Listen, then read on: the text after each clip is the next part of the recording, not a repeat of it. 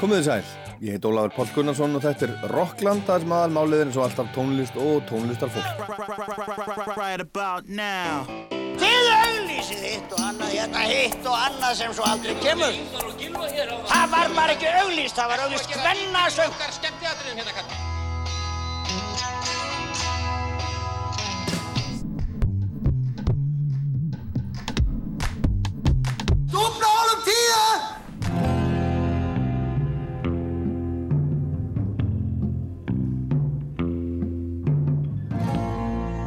Hæst byr í dag heimsók tveggja ungra manna frá Sauðárkróki. Þeir heita Helgi og Arnar og mynda saman hljómsveitina Skástrík Rapp Dúóið Úlfur Úlfur. Önnur plata þeirra, tvær plánættur, heldur betur slegið í gegn og lögin þeirra eru sungin á alþingi og leikskólum landsins og það er hiti í rappsveinun í dag. Meiri hitin hefur verið í 15 ár. Úlfur Úlfur kemur fram á Erveifs, þrísvar sinnum, eitt af fjölmörgum nöfnum sem þar koma fram og ég ætla að kynna til sögunar nokkur af erlendu nöfnunum sem koma á Erveifs í ár. En það er reynsla mín að maður missir alltaf af einhverju frábæru þar einfalda vegna þess að maður þekkti það ekki og vissi ekki af því. Ekki fyrir nokkru mánuðum eða árum síðar og oft hef ég hugsað hvar var ég eiginlega þegar and the Machine spilaði á Erveifs eða þessi eða hinn stór stjarnan. Jú, líklega bara að kjafta við einhvern á meðan Dr. Spock var að spila en einu sinni. Maður missir sér satt alltaf af einhverju góðu vegna sem maður þekkir það ekki. En við byrjum hérna á hair metal málum.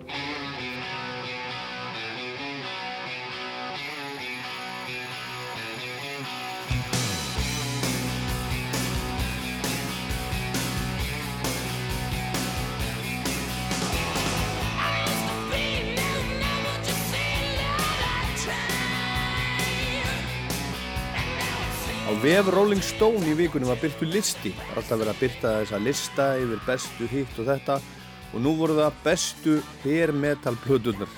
En hair metal er að kallað, það sem var í rauninni kallað heavy metal á sínum tíma þegar það var að gerast.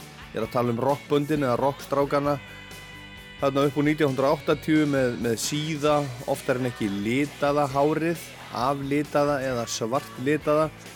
Þau voru oft í ripnum upplituðum gallabuxum eða í leðubuxum eða bara spandexi og með augnmálingu og naglalakk og varalit og ég veit ekki hvað og hvað og bleika íbanir skítara stundum með sjö strengjum.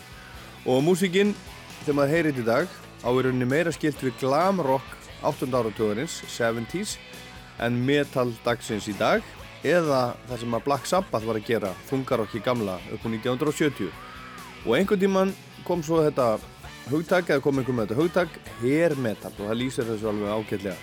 Og þessum flokki tilhera bönd eins og Poison, Mötley Crüe Def Leppard, Rat, Quiet Riot, Twisted Sister, Dokken, Bullet Boys, Slaughter, Vixen og fleiri. Og tónlistinn er svona eh, sing-along, chorus, soft rock í rauninni. Þetta var mjög vinsælt um allan heim um tíma frá 1985 eða þar um bil og þar er til Nirvana og gruggrockið slátraði öllum svona hljómsveitum í einu augabræði upp á 1990. Þá var þetta fljótlega alveg svakalega glatað og hallararslegt. En sumt af þessari tónlist lifir ágættu lífið þetta í dag þrátt fyrir það allt saman. Skríti hvernig tíminn fer með hlutina. Sumir hafa gaman að þessu vegna þess að þeir hlustuðu á þetta þegar þeir voru að vaksa úr grassi og tónlistarsmekkurinn að mótast og svona og svo eru aðri sem bara fíla þetta vegna þess að þetta er það eina rétta. Þetta er besta músík í heimi og það er nú bara þannig. Og við skulum renna hérna yfir topp 10 listan. Topp 10 í tíundarsæti er þetta hérna. Cinderella Long Cold Winter frá 1988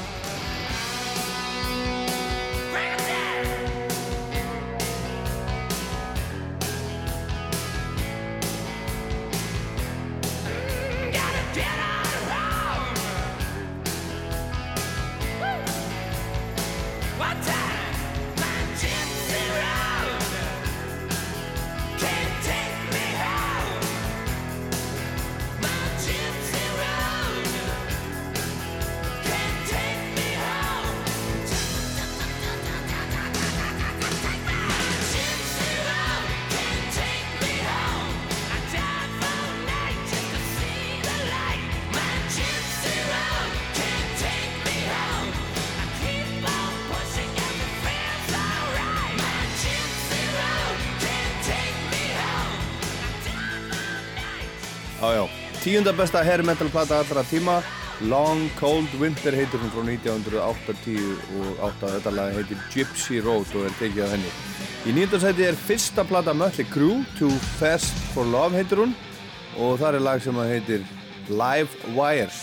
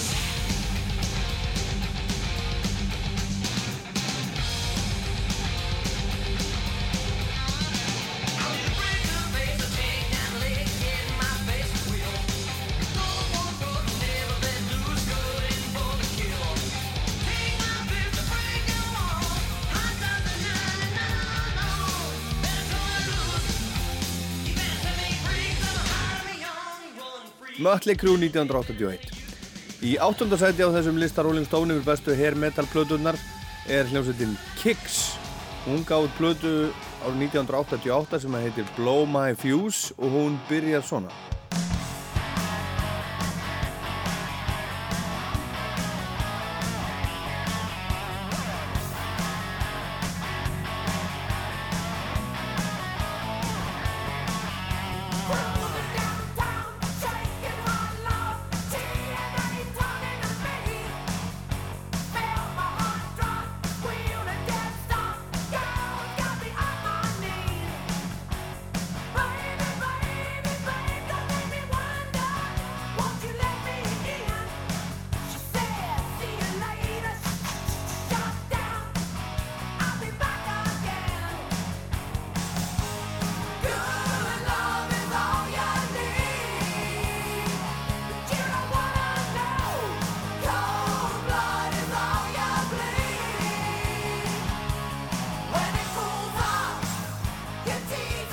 Þetta kom það Blow My Fuse, hljómsveitin Kix og í sjönda sæti á þessum lista er, er glam rock eða hair metal band frá Los Angeles sem var stopnað 1985 sem heitir Faster Pussycat.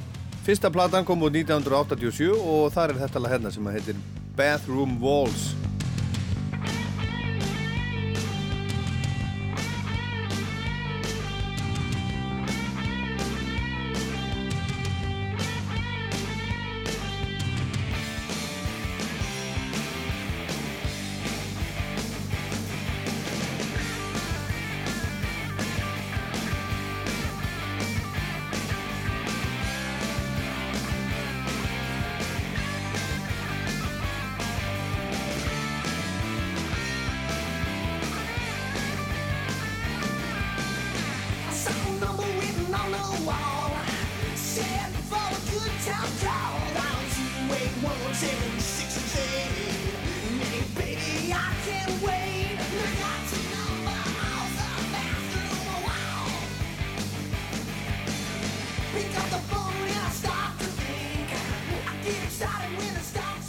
Fasti Pussycat er frá LA og næsta hljómsveit sem við heyrum í, hún er líka frá LA. Þetta er nú mikið frá LA þessi, þessi sena, þessi hair metal sena, 80s, Los Angeles, Hollywood.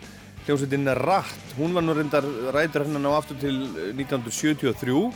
En fyrsta platan, Out of the Cellar, kom út 84 og það er lag sem heitir Round and Round.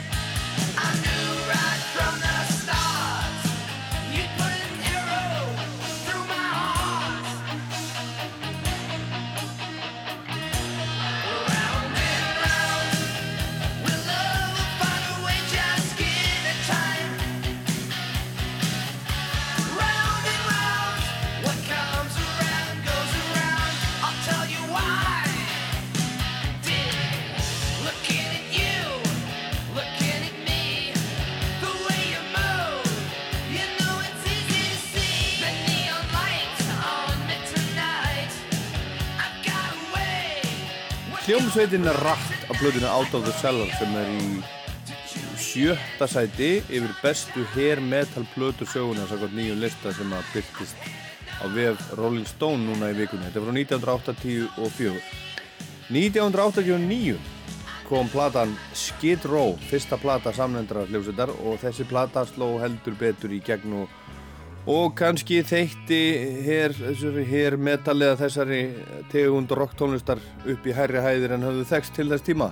Ég veit ekki, þetta var allavega spilað í útvarpi til dæmis um allan heim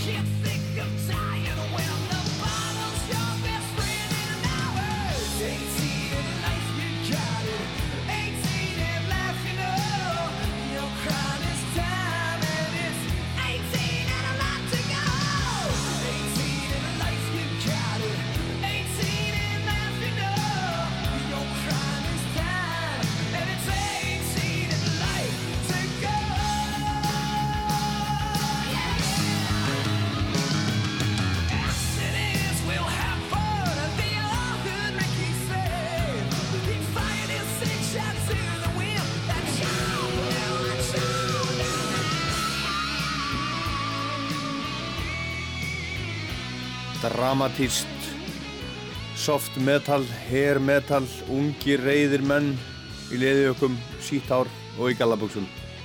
Svolítið bygglaðar eftir æskuna kannski en nú er þeirra tími komin eitthvað svo leiðist, þetta er svona stemningin í þessu. Skid Row, 18 and Alive. Og þessi hljómsveit kom hérna nokkur árum setna og spilaði í lögundasöllinni og hún var bara full ef ég maður það rétt 1991 eða 2 kom Skid Row til Íslands Í fjórðasæti á þessum lista er aftur Mötley Crüe og titilag plötunar þeirra sem kom út 1983.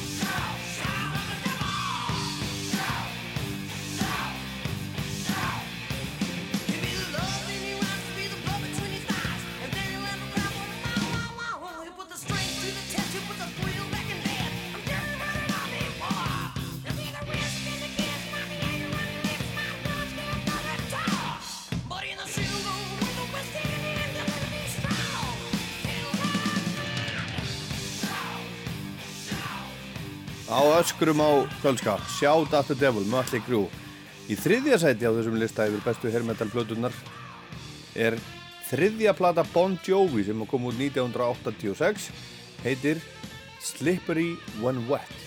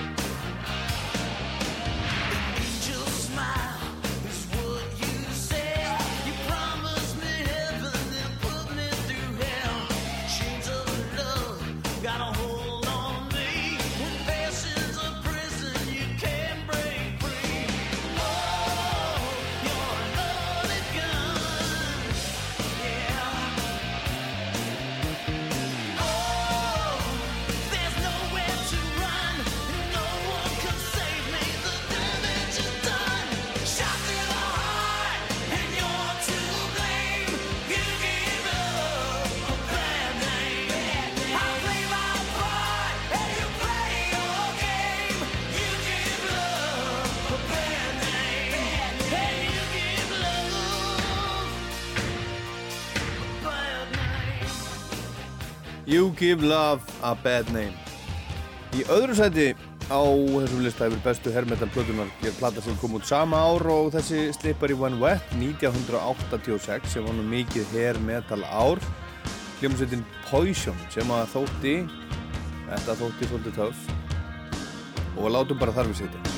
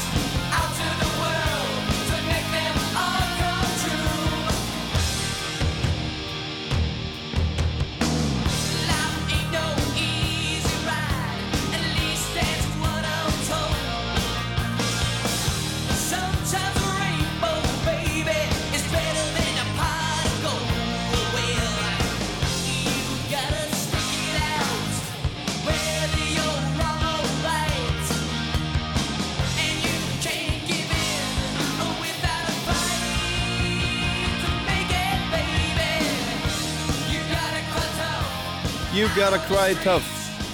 Hóðsjón á blöðinni Look What The Cat Dragged In frá 1986 og þá var það bara besta platan, besta hair metal plata söguna, sangað þessum lista í Rolling Stone. Og það er þessi hérna.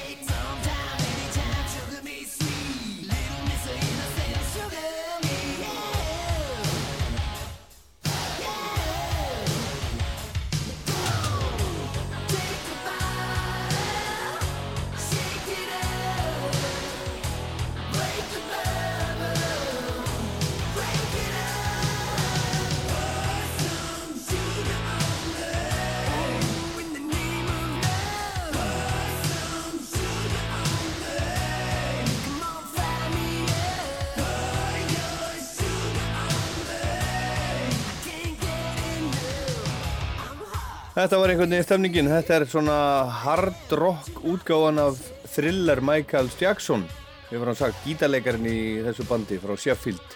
Def Leppard, hann heitir Phil Collen, platan heitir Hysteria og kom út 1987 og þetta er fjóruða plata Def Leppard. Og þetta er rock sem maður var ekki bara að hugsa fyrir rock fólk og það verður að eða, það má ekki gleymast að, að á þessum tíma þá þótti þetta, þá var talað um þetta sem þungarokk Og þarna var allt í hennu komið svona einhvers konar þungarokk eða þundrokk sem var ekki bara fyrir þungarokks fólkið, unglingana, heldur bara fyrir allt fólk. Þetta var í rauninni pop með ramaskíturum og allir syngja með viðlögum. Og það er sko engi líð, þessi plata stækkaði svo um munnaði aðdáðandahóp Def Leppard. En það er þetta bara aðgengilegt, einhvers konar pop, metal, pop rock. Upptökustjóri plötunar á mikið inni, Robert John Mutt Lang heitir hann og þetta er þriðja plata sem hann gerði með hljómsveitinni. En hann er helst þekktur fyrir ég ætla að sé ekki þekktur fyrir þetta sem hann gerði með Def Leppard og líka það sem hann gerði með AC/DC en hann gerði hvorki meirinni minna en þrjár bestu plötuna þeirra Highway to Hell, Back in Black og For Those About to Rock. Og þetta er svona hans sound kristaltært rock fyrir alla, konur og kalla og krakka og þessi plata seldist í 20 miljónum eintaka og fór beina leið í toppsæti vinsaldalistana í bæði Ameríku og Breitlandi á þessum tíma. Setna kvæntist hann svo bandarísku country-söngunni Shania Twain og hefur gert nokkra blöður með henni. En hann er stórt nafn í upptöku heiminum kallaður Mutt Lang. En þetta er sagt besta platan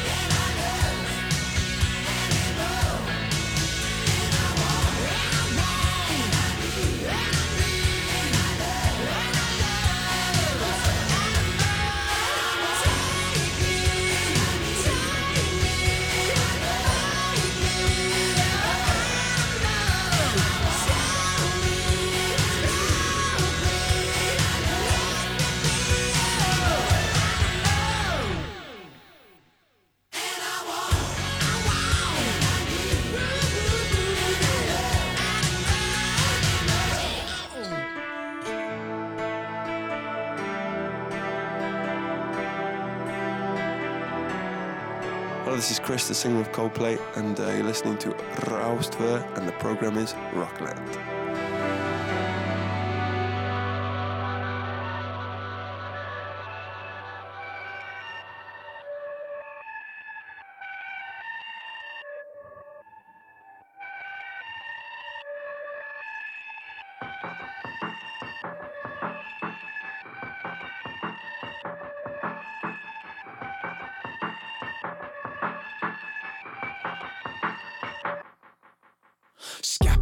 Blóðug og ég held á nýf Líka minn svo örlátur á endorfín. Steinar eru innan í mér en ég svíf Þorstinn er svo mikill að ég moln og verða reiki Svo ég forðast alla um fjöllunum siðferði Varúlfurinn dreipur til að lifna við. Ég er týndur nennir einhver hérna að finna mig. Ég þamba þanga til ég þambi hinsta sinn Vakk og velta, ég er farinn, fattaru það. Kann gott að meta, hár bakar og skaplanum mar. Ég læt mig hverfa, hoppa gútum upp í glugga Er að Svona byrja platan með, með Úlfur, Úlfur, eða hvað maður að segja? Úlfi Úlfi, Úlfur, Úlfur Já, við erum helst ekki, helst ekki. Já, komið með því, þetta er nefnilega þetta það maður nefnilega að hugsa þegar maður er að, er að sko setja nafn á hljómsveit. Hvernig beigist þetta? Við, við beðum þetta ekki. Bara hljómsveitin Úlfur, Úlfur? Já, það er hendugast einhvern veginn að hafa þetta bara í nefnumfalli Já, Þægilega að en þið vitið að það heitir nefnifall og svona. Já,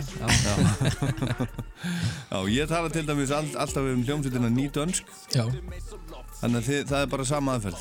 Ekkert eitthvað nýra danskra Úlfs, Úlfs nei, nei, ég held að við bara, gilda bara sömu, sömu reglur um líður svo Sömu reglur og það Já, já. Ha? Mér líðum svo oft sér ný danskrar Já, og það er alls konar, alls konar lið eitthvað að snúa út úr þessu. Og það er með þeir hugsuði, voru ekkert að hugsa út í þetta þegar þeir, þeir eru settu nafnum í hljómsveitina Nýdönsk, Nýdönsk blöð sko. Já, já, þið munið eftir því það var auglýst hérna heyrist í útarfni þeir eru svo ungir. Nýju dönsk, eða ný dönsk blöð komin. Nýdansk Andrisblöð Já, nei, það var ný dönsk það voru sko, ný dönsk blöð það var svona, það voru svona uh, það var ekki Andersblöðin eða það það var svona uh, sem húsmaðurnar voru að kaupa. Bó, bó beðri. svona, svona hús og hýbíli ah, ok. frá Danmarku, þetta var mjög mikið tekið. Já, mjög vinsall Herðu, en þeir sitja hérna. Úlfur, Úlfur menn, Arnar. Heijó og Helgi Sæmundur sem að, eða ég held reyndar þangað til bara fyrir stuttu að, að Arnar héti Helgi Sæmundur. Já, og búin að ringja oft held ég í henni gegnum tíðin Já, og kalla hann Helga. Er það fyrirgefið? Já, þið Ég, ég hefði geta bara leirið þetta bara fyrsta degi það er bara eitthvað fyndið. Já, okkur eftir þetta Ég veit það, manst það bara þetta var fyndið. Ég er stundum kallaður sko ég hefði hugsanlega lendið í þessu einhvern tímann eftir, eftir hérna fæðurum eitthvað og svona. Mm. Kallaður Gunni sko. Já. ég að því að pabbi minn heitir þá og ég er ekkert, maður er ekkert að leiðrétta það svo Nei, sem. nei, nei, nei sami ég, ég pappi minn heiti Frosti og ég stundum kallaði Frosti og minnst það bara, minnst það eiginlega betra nafn heldur en Arnar líka. Já, var það?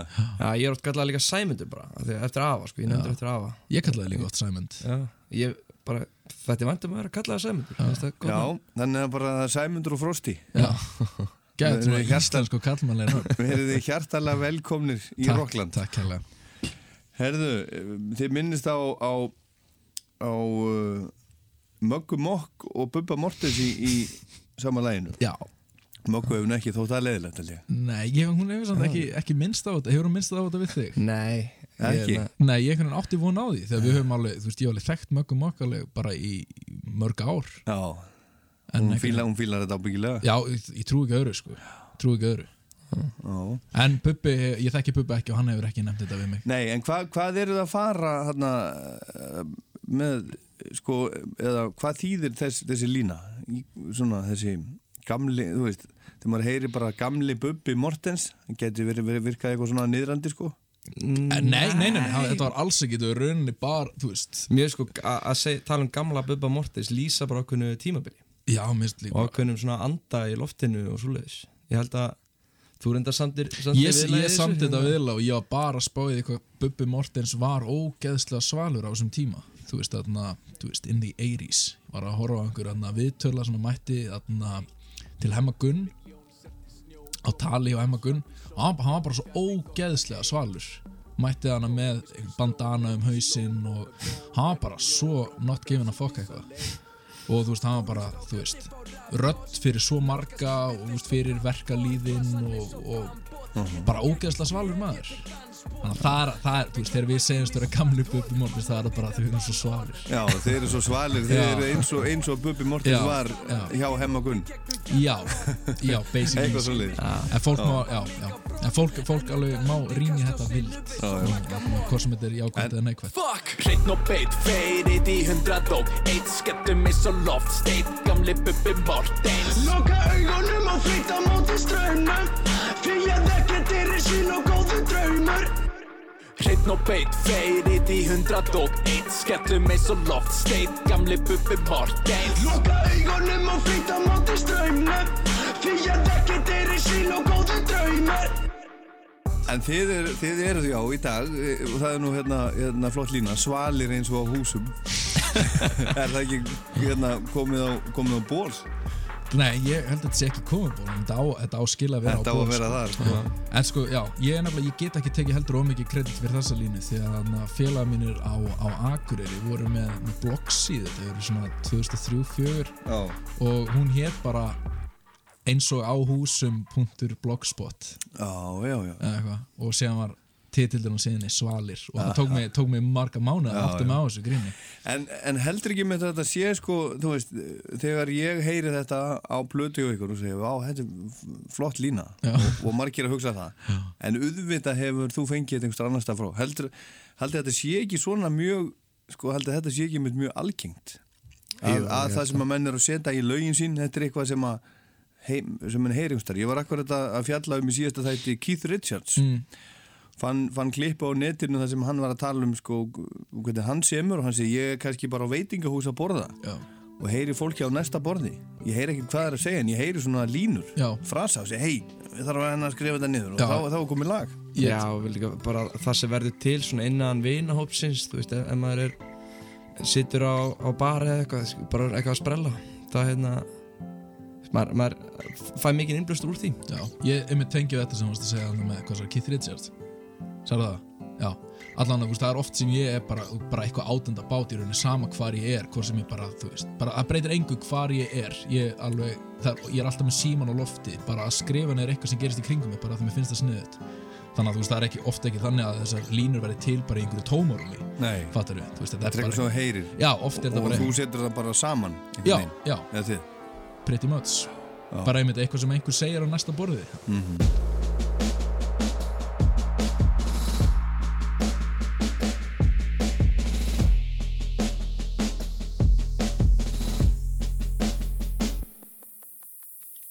Ég er 20 og eitthvað, ég hætti að telja gárin þegar ég var 20 og eitthvað. Ég hætti að treysta og hefni þegar ég var 20 og eitthvað. Ég lærði af læra reynslu þegar ég var 20 og eitthvað. Ég fór að hlust í stað þess að rauða með putti gera Ég sagði sjálf og það við nug og fór að rugga meira. Ég kóp að skrifa niður allt sem þarf að mun að gleyma. Þó stundu langi mig langt mest að standa gupp og beila Dansa, drekka, sukk og reykja. Ég sé bleik ský, ég sé svartan reik Ég á eitt líf, fokkið ég þarf alla meir. Fokk að standa í skugganum, fokk að var fokking hljóð Fokk að vera ruggladur, status quo er ekki nóg. Anarkisti með demant og gull og heilanum. Dreymir um hreyfingu, rúlagum með heiðingjum. Ónýtjungar mæti ekki í vinnu en lif og listinni. Sjúldug á mér titlingin, lifi fokking byltingin. Textin kemur með stuð Augun eru rauð og munnurinn þurr. Ég verð að takast á loft Takast á loft og komast á brott Komast á brott Sný baki í þig og geng burt. Því ég drukni þér ef ég kemst ekki á þurr Ég verð að takast á loft Takast á loft og komast á brott Komast á brott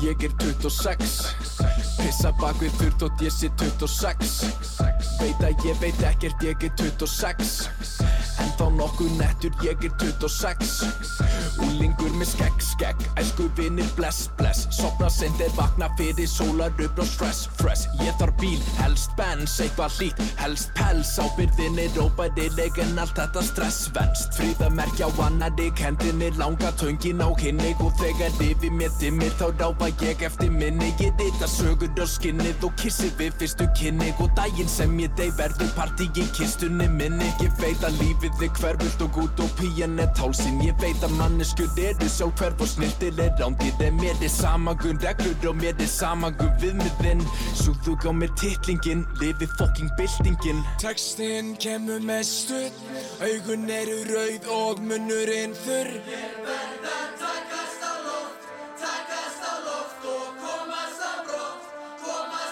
Ég sný baki í þig og geng burt Því ég drukni þér ef ég kemst ekki á þurr Ég verð að takast á loft Takast á loft og komast á brott Komast á brott Textin kemur með stuð Augun eru rauð og munnurinn Hvor ykkar er meira skáld, strókar?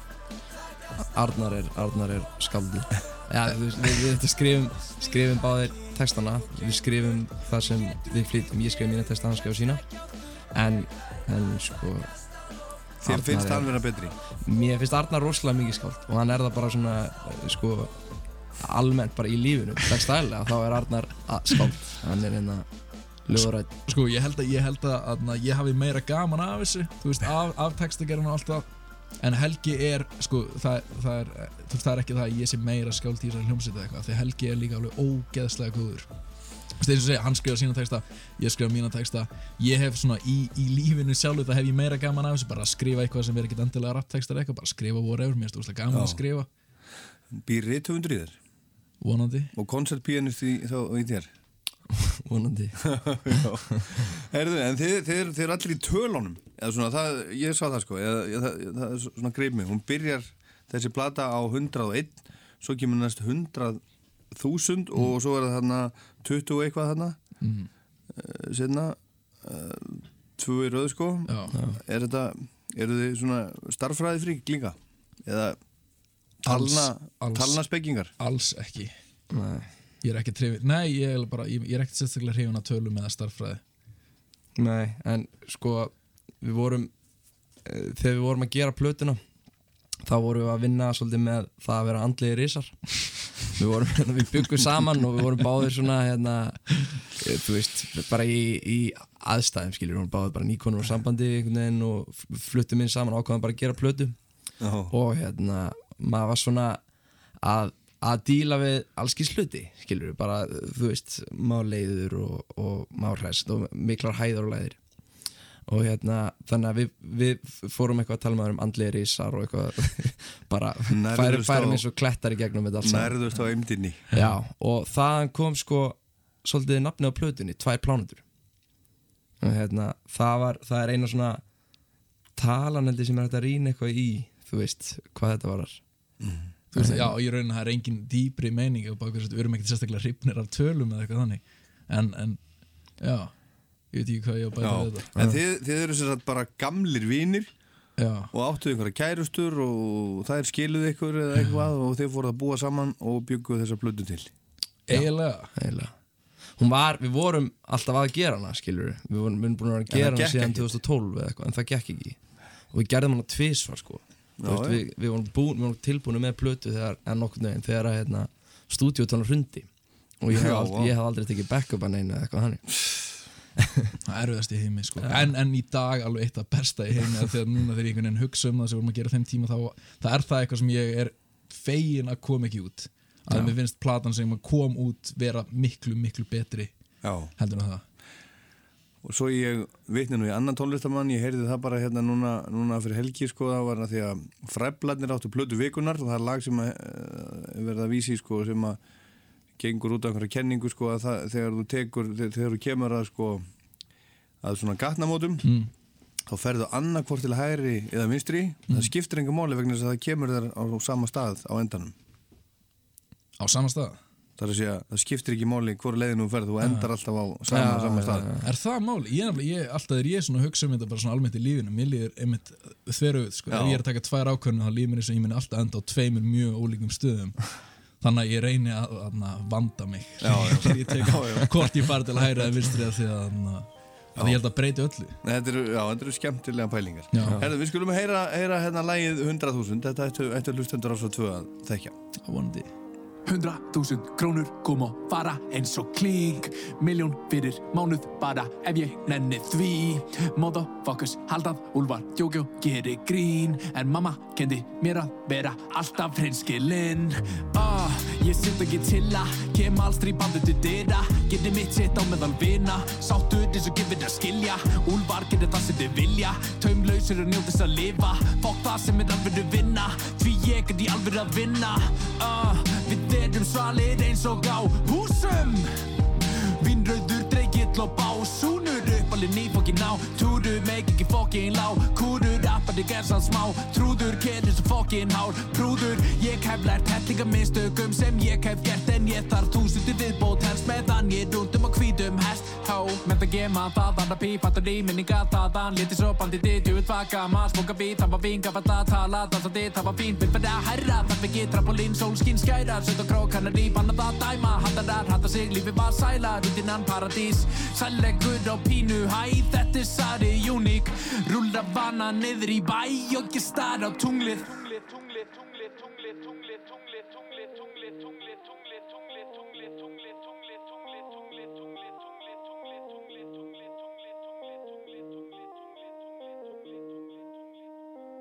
Hundra þúsund krónur kom og fara eins og klink. Miljón fyrir mánuð bara ef ég nenni því.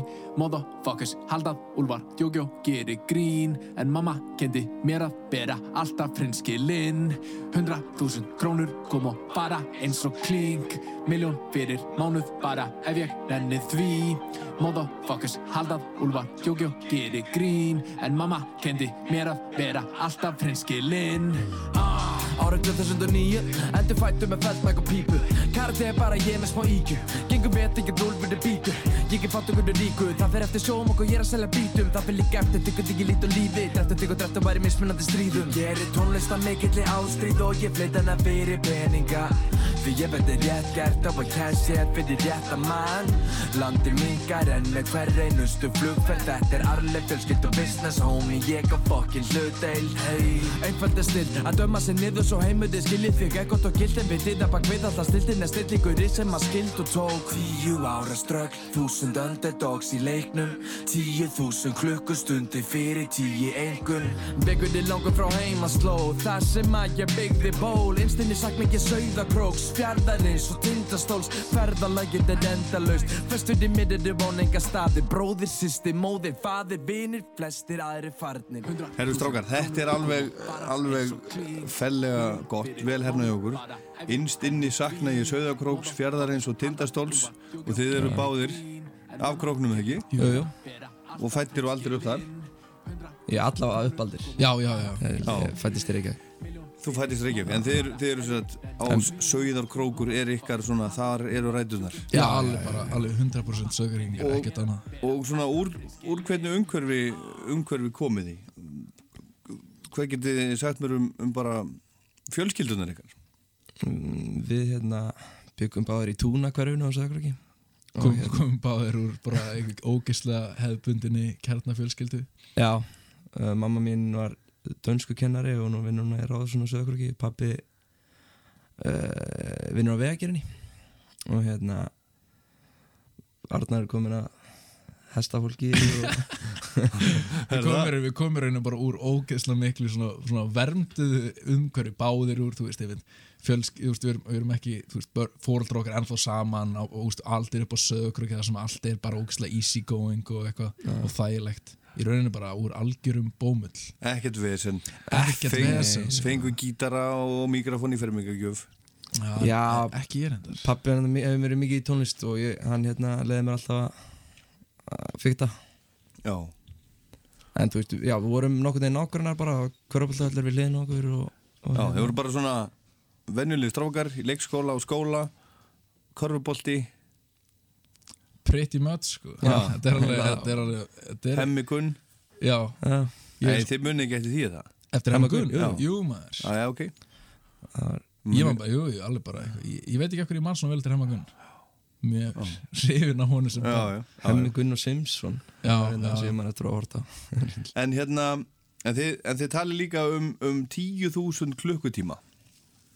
Er Já, það Helgi, þarna- Helgi, Helgi talar um það. Hann, Er það þarna snillinga, snillingatalan? Já, Já, snillingur þegar maður er æfa sig í einhverju 10.000 klukkutíma. Já, ég las bók eftir hérna, Robert Greene sem heitir Mastery og hérna hún hefur verið mikið svona inspiration bara með að maður þurfi maður, maður þarf að leggja 10.000 klukkustundir í eitthvað til þess að mastera og það er heldur uh, það er ekki ákveða margir tímar og dag í tíu ár. Mhm. og þegar vorum, að, vorum að gera þessa plötu þá var ég komin yfir tíu ár í raftónist og hérna bara kom Loksin orðin góður eftir tíu ár. Já. Nei, þetta er, þetta er alveg gott að spá í þessu Þú veist, einmitt þessi, þú veist, það er talað um Þetta hefur lengi verið að tala um að það taki 10.000 klukkutíma að vera, vera góður í einhverju sem er alveg, þú veist, einstaklega erfitt í, þú veist, á þessum tíma sem við lifum á í dag, þú veist, bara það sem að upplýsingaflæðið er svo hratt og einhvern veginn maður er, þú veist, bara kom, bú, þú veist, alveg bara aðteglisbrest innra með sér, allir með aðteglisbrest þá er ógslag erfitt að heiða 10.000 klukkutími í eitthvað, því að þú veist, eftir 500 klukkustundir það ertu bara komið að leiða því og langar að fara að gera eitthvað annað því það er alltaf nóg í boði. það er hægar eftir get eða það. 10.000 klukkutími í eitthvað Já. En haldið þið að þið séu búinir að eða 10.000 klukkutíma í, í þetta? Al, já, það hlýtur að vera þú veist, með maður er búin að vera eitthvað að, að, að leika sér í, þú veist, þessu með rap tónlist, þú veist, sem að 12 eða 13 ára, nú erum við 27 og 28 ára Já, 100% sko, Já, með hvað þetta eru mikil þrá ekki eitthvað í mörg mörg ár Já. En þið voru bara 11 ára, 12 ára og eitthvað svona á króknum og á, hva, á hvað voru það að hlusta? Sko, Af hverjum voru myndirnar á vegnum? Eminem Eminem, er það? Já, maður, ég var bara með Eminem plaggat upp vegg, let gata á mér eirun og þarna fór í hvítamból og vildi, vildi bara vera Eminem Ótrúlega reyður. Já, já samt ekki sérstaklega reyður Já, ég var svona, ég var svona, eins og, ég var svona eins og glaður íslenskur já, reyður já, ég bý á, á sögurúki, það er ekkert vesen, ég ætla samt að vera ógíslega reyður. Já. Já, svo maður hlusta á Ace of Base og Tupac. Og ég hlusta ógeðslega mikið á Ace of Base. Alveg rosalega mikið sko. mér var svo góð viðlög, þú vel pródúsa pop. Mér varst þetta- mér varst Ace of Base mjög næst Já, hérna, já, svo, þú veist þegar maður var aðeins eldri þá, hérna, þú veist uh, fórum bara að hlusta mjög mikið á Tom Waits. Já, er það? rosalega mikið sem að, sko, hefur mótað held ég ekki endilega tónlistina en stemninguna í textunum. Mér, mér, ég gæti trúið því. Þetta andrúsloft, þessar myndir sem við viljum mála með lögunum okkar það er þú veist, mikið til komið af því að við hlustum rosalega mikið á Tom Waits. Þetta er, þetta er svolítið dark við, ok, okkur finnst okkur finnst bara gott að brjóta upp form og hérna þú veist Nei, ég held að þú veist, að því að maður tegur svona tíumbil sem úlingur það sem er alveg einstaklega aðna, svona áhrifagæð og ég held að við höfum einmitt verið að hlusta á Tom Waits akkurat á því tíumbili og það er svona, þú veist, það votti ennþá fyrir því Já, já. einmitt bæði bara stemmingin og textanir sko. Wasted and wounded, it ain't what the moon did. God, would I paid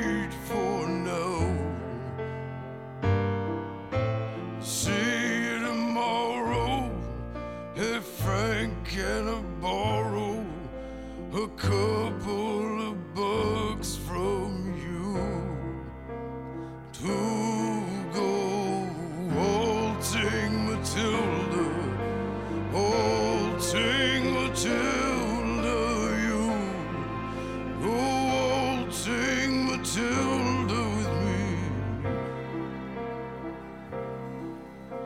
I'm an blinded alley, and I'm tired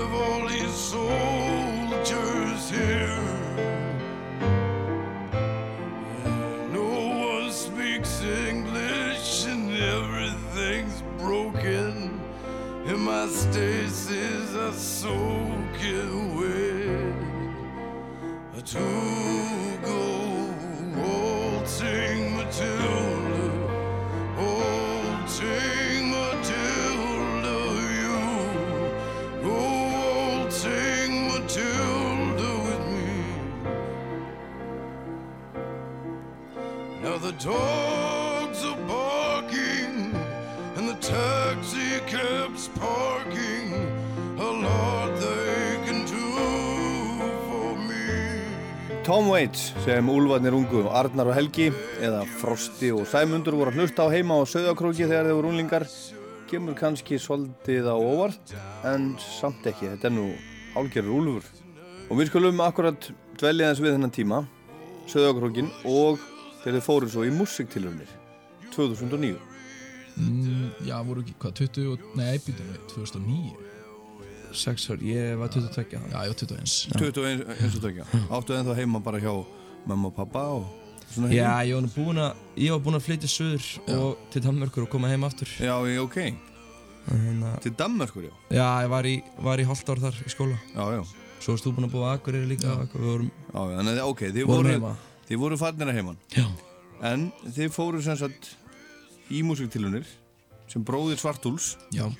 og unnuð. Já.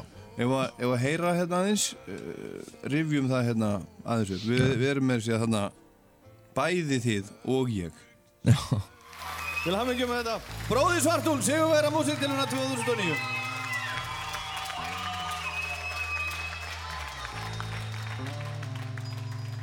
Ég veit ekki hvað klukka slær, ég veit ekki innan hvaða vekja ég er Ég þekk ekki fólkið í kringum mig, manneski sem að mér býður við. Stundstaður og óvænt nekt, allt þrennt, móðukent Hér er nóg og spekt í tilefni þess í sófa sett. Það er eitthvað í vatninu á þessum bæti Með hverju sófa sem ég tek það fyrst mér sem ég sem er nærti að geta ætt, geta ætt. Þó þykir mér það ei slæm, sjaldan liði betur friðurinn og kyrðin Fikra sig yfir mig, viti sefur Sigarettur reykur umleikum mig Það sem að ég raunskandi sitt Virkilega hugsandi til. Minna heima haga það sem tíminna líður Og mótið mín býður eftir mér. Það sem að rútina ríkir Það sem að nóa söfni Fyrirmynda veruleika flóta vatnum fyrirbyggir Vikuleika virkileika fyrirbyggir um Frið á víti, hvort að getur líkið í geta á bílinu Hvort að ég með história Fyrirmynda veruleika flóta vatnum fyrirbyggir Vikuleika virkileika fyrirbyggir um Frið á víti, hvort að getur líkið í geta á bílinu Hvort að ég með história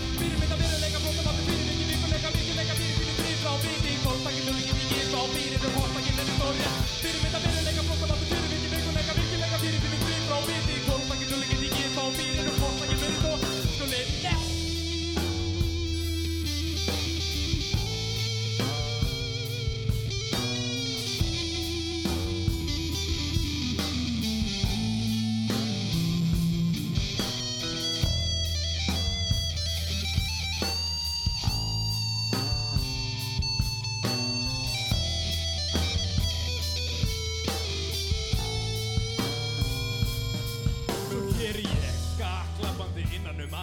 Þetta er upptaka frá úslitakvöldi Musiktilurinn á 2009 þegar bróðir Svartúls sigraði og lagði þar með í rauninni grunninn að hljómsveitinni Úlfur Úlfur.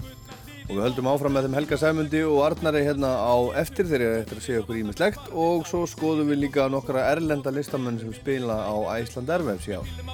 Viti misnotað í skjóli nættur á leini stöðum Takin svit og kynþokka Eina drikk langar stund Þá finnst mér sem ég sé svo frjáls Ekki minn bönn Alls ekki reglur sem segja mig hvað ég má. Ég veit ekki hvað klukka slær Ég veit ekki innan hvaða vekja ég er. Þekk ekki fólkið í kringum mig Manneski sem Fyrir mynda fyrirleika flotta mátu fyrir mig Vikuleika virkileika fyrir myndu frið frá viti Kólfæki dúlingið í fyrir og mér í skóri Fyrir mynda fyrirleika flotta mátu fyrir mig Vikuleika virkileika fyrir myndu frið frá viti Kólfæki dúlingið í gít Fá fyrir og hortaki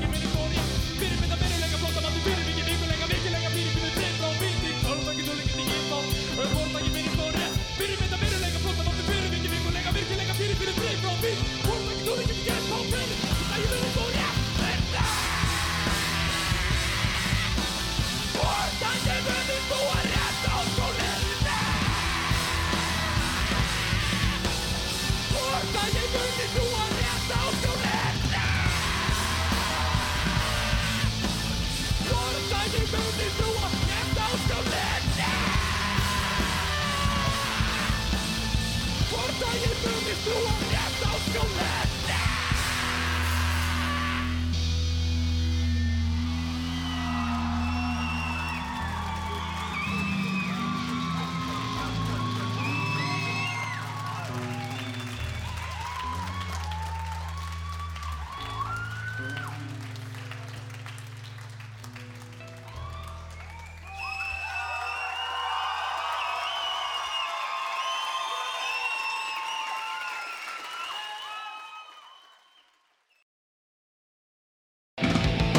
Hi, this is Dave May from Iron Maiden. You're listening to Rockland radio station here in jolly old Iceland. Thank you. Já, komið sæl aftur, ég er Ólaður Pál Gunnarsson og Rockland fer hér aftur á stað. Við heyrim á eftir kynnust nokkur um erlendum listamönnum sem er að spila á Æsland Airwaves í ár, en við erum ennþá í skagafyrðinum.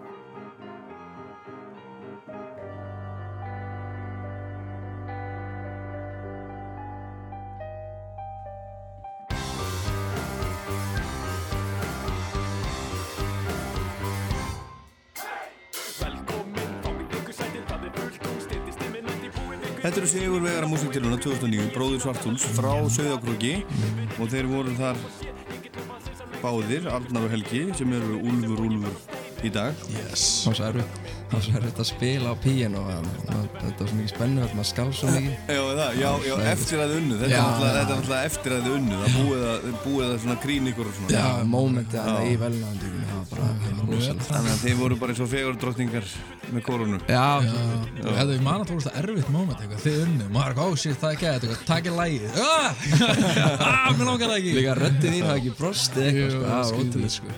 En hvað er hérna, já, ykkur leið þannig, en, en áttu þið von á þessu sem maður spyrir nú eins og fegur drottningarnar eru spurðar?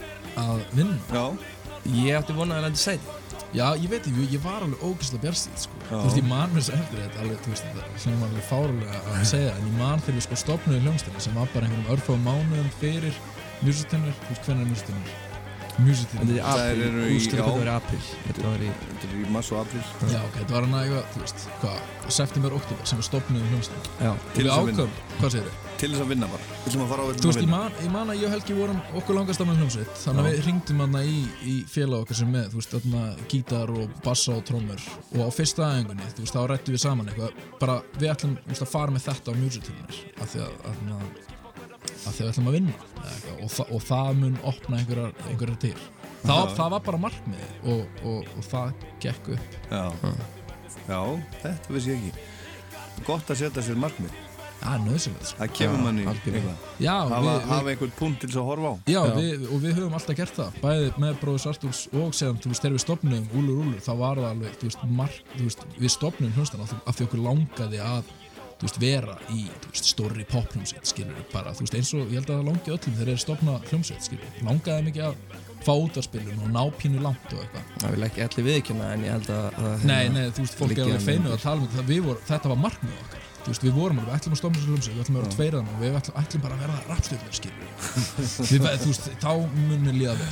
Ef tekst það, þá mun mér líða rosalega vel. Já, já, og það hefur tekist. Það tókst, en ég held líka að það hafi mögulega tekist af því að þú veist, það var markmið við lögðum upp með þetta og við vorum í rauninu tilbúin að gera hvað sem er til þess að það myndi þú veist, Og ganga koma upp. næki fram þessuna og allt það. Hvað? Og koma fram Já. Þessuna maður bara leggur, já, leggur harðar að sér held ég maður er að stefna eitthvað. Já. Þetta er 2009, þið komið þarna þið, þið, þið eru á milli þess að sigrið þarna á eftir Fresco Já. og á undan of Monsters Men. Já, helvíti svo monster svo, svo erum við fengnum að fund rétt eftir að Monster menn unnu og, og ráðleika þeim um hvernig það að haga sér skilur og hvað, við hvað þetta tala til að ná langt og eitthvað svona dæmi. Svo árið síðar þá er þau að túrum bandaríkin. Og við Já. hættir. Já, já.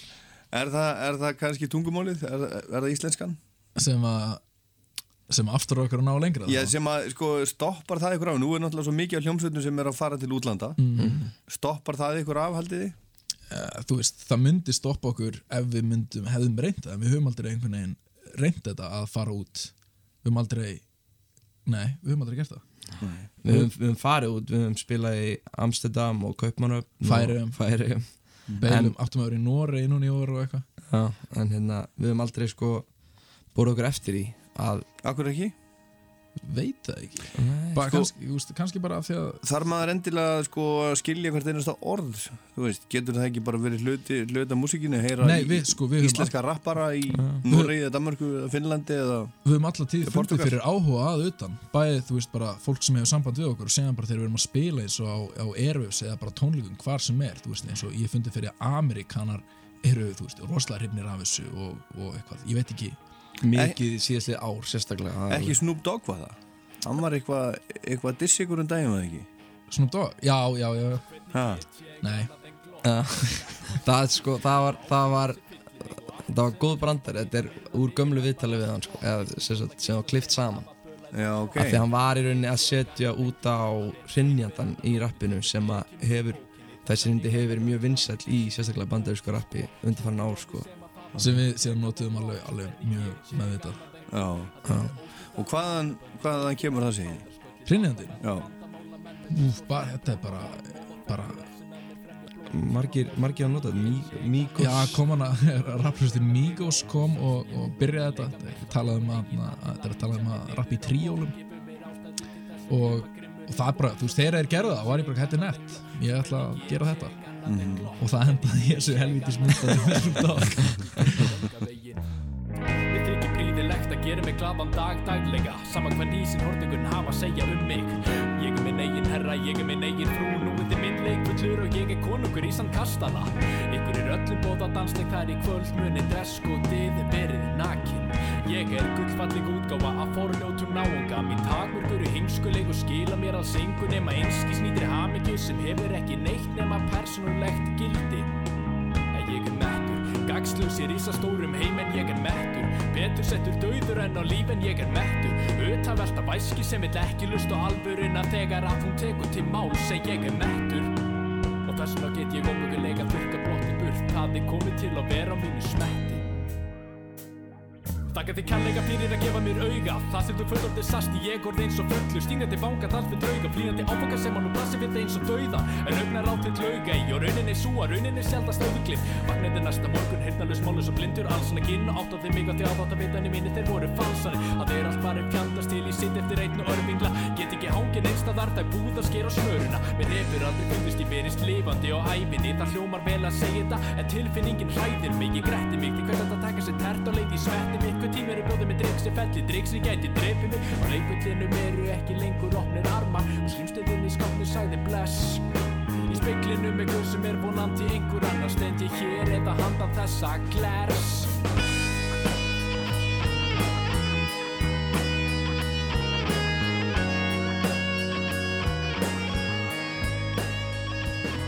Ég heit Ólafur Páll Gunnarsson og þetta er þátturinn Rockland sem þeir eru að hlusta á. Og gestir mínir í dag eru þeir Arnar og Helgi Sæmundur úr Úlfur Úlfur sem eru að minnstakosti búin að sigra Ísland eða svo gott sem. En þetta hérna, þetta er gamla hljómsveitu þeirra sem var til á Söðokróki á sínum tíma. Þeirra voru unglingar næstu því eða svona í kringum tvídugt Bróðir Svartúls. Þetta var sagt uh, rockband Þú varst, þú varst einn að rappa þá eða ekki? Jú. Þú varst, þú varst Helgi, þú varst að spila á hljómborð. Já Í Led Zeppelin ból, ég sá, einmitt mynd af, af bróður Svartúls og netinu sem þú varst í Led Zeppelin ból Já, það var einmitt sko í ágúst ekki einn svalur og, og í dag fyrst mér sko. Nei, ekki. Nei. Í ágúst þetta ár, eða þegar við stofnum hljónstina sko, þá hafði ég uh, fengið svo mikið endurgrætt á skattinum. Ég fór í tónabúðuna Akureyri og hérna sagði við Arnar að ég ætlaði bara að kaupa mér eitthvað hljóðfæri fyrir 100 skall pluss og var búinn að skoða hana heil lengi og Arnar kom með mér og ég keipti sérst fyrsta synthan og hérna og það var rauninni bara með þessum syntha sem að og, og röddinars Arnar sem við ætlum að byggja hljónstinni kringum og ég var að spila á hann syntha sérst í hljónstinni Mm. Korg X50 Góð græða sko. Góð græða Góð græða, notiði manna mjög mikið. Já Og ég sjálfur var bara búin að, á þessum tíma var ég sjálfur búin að hlusta eitthvað á svo mikið einhver svona, einhverju experimental þú veist, raptónlist, það sem var einmitt verið að nota til ljóð, hlæðfærleg og ég, í rauninni á þessum tíma, ég hlusta ekkert á raptónlist. Ég var allur í einhverju, þú veist, ég, ég var bara að hlusta á hardcore og þarna, einmitt bara eitthvað indie drasl og, og eitthvað, ég, var, ég veit það ekki en þú veist, það að rappa var eitthvað sem ég kunni þannig að það einhvern veginn Já, þú varst að hlusta ég var að hlusta á Bruce Springsteen. Við vorum ekkert að hlusta á rap við vorum, við vorum ekkert að hlusta á rapptónlist þú veist, rap var ein, ekki innblásturinn að bróði Sartúls eins og heyrist þó, en þú veist, ég rappa því að það er það sem að ég, ég kunni og hafði gert í gegnum árin sem var bara einhver leið til þess sem að mér varst hendu til, að- til að tjá mig. En hvað, uh, hvað gerði það svo í rauninni fyrir ykkur að, að sér sigra í músiktilunum? Fyrst og fremst bara það að þú veist, af því að við náttúrulega við vorum að ná sögur ekki, og, og þú veist, þarna var komin einhver bara svona þarna fengum við bara einhverja staðfestingu á því að við vorum að gera eitthvað sem fólk nefndi að hlusta á, held ég.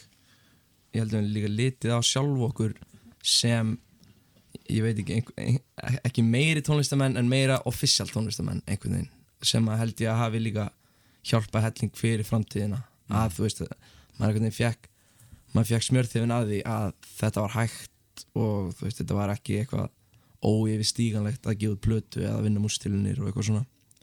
Svo hjálpaði þetta okkur líka þannig að við kynntum svolítið fólki og myndum mjög gott tengslanett í kringum mústilunir sem að held ég að hafi Unnuði í því alveg markvist að mynda tengslanetið Já. Nei, það er svolítið bara eitthvað sem að bara gerðist. Það gerðist svolítið bara þú veist, við vorum, þú veist, menn fóru að bóka okkur hingað og þangað og þar er þetta að spila með einhverjum hljómsveitum og, Mhm. og þú, því bara, þú veist kynntust Tóta, gítarleikarinn Major Fresco hann tók upp demóin fyrir okkur til að senda inn í keppnina sko. og einhvern veginn þannig að við kynntust þeim og á þeim tíma voru bara að spila rosalega mikið með þú veist svona græsróta hljómsveitum skilja á Factory og eitthvað svona og einmitt, þú veist, okkur var ekki stilt upp sem í rauninni rappljómsitt, þú veist, við vorum að koma fram bara á einhverjum þungarokskvöldum og, og þú veist, við vorum bara í þeirri senu Já, já. sem að er aðna, sem að var mjög áhugavert og mjög, mjög lærdumsríkt Já. og við höfum aðna Það var náttúrulega, var náttúrulega svolítið rock sko. Þetta var Já, svona þú veist, ég var alveg bara öskur úr með lungun og eitthvað. líka sko þegar eftir að við stopnum Úlfur Úlfur og bróður Svartúls var hann ekki til lengur þá vorum við ennþá að spila með sömu hljómsdum Já. sem að mér finnst hafa verið alveg frábært En hvað þetta- einmitt gerðist þar? Af hverju, af hverju hættir bróður Svartúls og Úlfur Úlfur verður til? það var sko Þú veist, við vorum bara, mér, mér leið bara á þessu tímbil eins og við væri bara komin á einhvern svona einhvern óeyfir stíðarlega þröskuld þú veist, ég man að við gáum þessa plötu og henn, þú veist, þessa, ég held, fimm eða sex laga plötu og henni, gekk, henni bara gekk vel og svo ætlaðum við að halda áfram að semja og vorum komið fullt af einhverju grunnum og einhverju pælingum en einhvern veginn þetta bara bara small ekki. Bara fundu það ekki. Og, bara, og við byggum saman, ég og Arna þá og þá voru við þú veist, rosalega hrifnir af poptónlist og nýri rapptónlist frá Já, bandaríkjunum og ætla hafi ekki líka verið það einmitt, þá, þá voru við farnir að hlusta meira á rapptónlist og, og, og finnast bara, þú veist, einmitt bara pop, vera snild. Já, ég var með, bara vorum við vorum lítið stúdíó í herbygginu mínu og hérna maður gera ykkur að semja ykkur lög þar og Arna kom alltaf á náttfötunum bara inn í herbyggi á mótana skilur og á kvöldin einhvern veginn árum fórum í FIFA, það var svona, þetta var ógislega næs. Við gerðum alla plötuna bara heima þú veist, á náttfötum með kaffi og fórum svo í FIFA og tókum svo annað sessjón og þetta einhvern veginn, það bara þú veist, við, bróður Sartúls hætti ekki fyrir hún konum með þrjú, fjögur lög. Mhm. þú veist, þetta var bara þessi samvinna gekk svo vel, okkur leiði svo vel þarna. Það var- bara, já, bara tveir, einhvern veginn. það var bara eitthvað svona hliðaprojekt sem eiginlega átti bara að vera hliðaprojekt við vorum bara eitthvað svona experimenta en séðan bara allt í einu átti þetta huga okkar allan. Já. Er, það, er það þessi plata hérna? Sem... Nei. Nei, það er Föstudagur Longi sem kom út 2011 Já, já. Hún Já, hún, hérna- hún kom bara út á netinu. Já, Já, við prentum, semst, við prentum ekki nema 100 eindöka þegar við bara áttum enga peninga og það er pínu, ústu vorum ekki á neina útgáðu eitthvað, bara gera þetta sjálfur þannig við með prentum 100 eindök og en, er, veist, en síðan settum við bara upp heimasíðan á úlurúlur.com þar sem að fólk gætt farið og niðurhalaði henni og það var alveg, þú veist, hún var sótt hvað, 5-6 þúsund sinnum sem er held ég gott, sko. Já, og þú veist, það var alveg eftirspurning einhvern veginn, við fylltum faktur í útgáðutónleikunum okkar. Alveg tróðfullt og öll hundra eindöki seldust bara það kvöld. Þannig að hérna, þú veist, það var og okkur, eins og segja, okkur leið óslega vel í þessu bandi. Þannig að það var það var næg ástæða til þess að bara halda áfram með það. Okkur líður ennþá vel í því Ég er einn á báti. Ég er sofandi alla leið. Öldu síni með miskum Ég flý Kyrði segja mig sögun.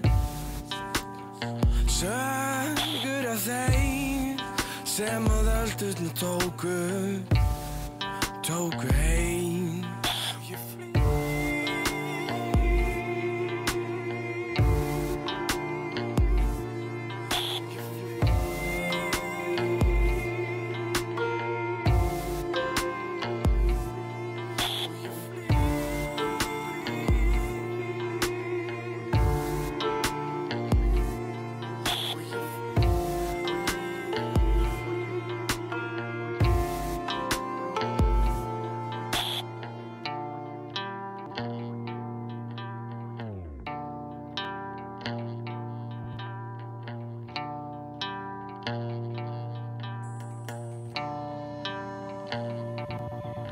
Réttu með bjór og ösku bakka Hef allan tíman í fokkin heiminum.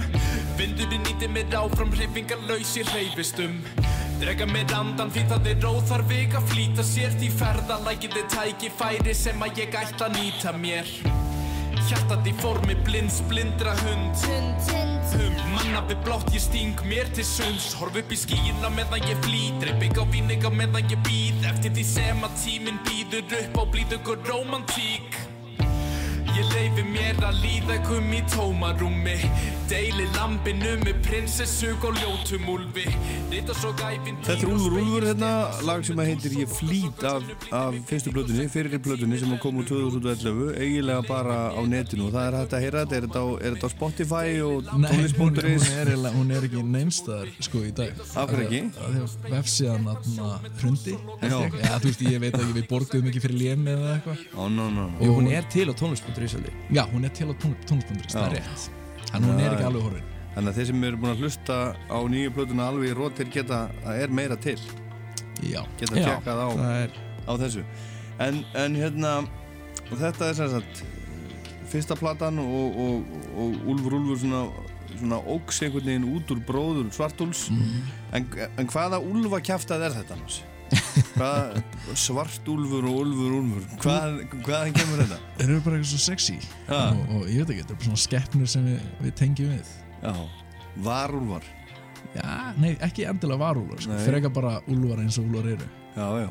Já, það er bara, það er, það er einhvern veginn svo mynd sem hefur verið máluð af úlfum. Það er þetta, það er þetta myrkur, það er fullt tungl, það er veiða sér til matar uh, einhvern veginn ég veit ekki, ég sé, ég, maður er alltaf með eitthvað ákveðna mynd. Spangól, stjörnubjart, þú veist, eitthvað svona dæmi. Mér finnst það svo fallegt og spennandi og, og svona mysterious.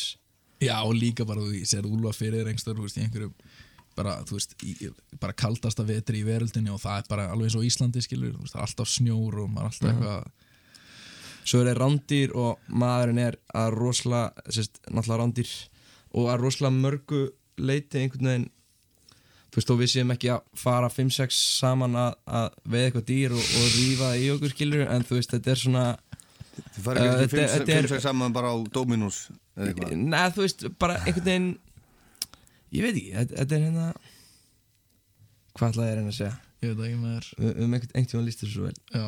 Sem sagt um, veist, þetta er, hugmyndin er svo skýr það er rosalega erfitt að koma inn í orð nákvæmlega. Já, en þetta er bara, já. í bara basically við, við, ég, þú veist, við höfum bara alltaf tíð eitthvað tengt við úlfa.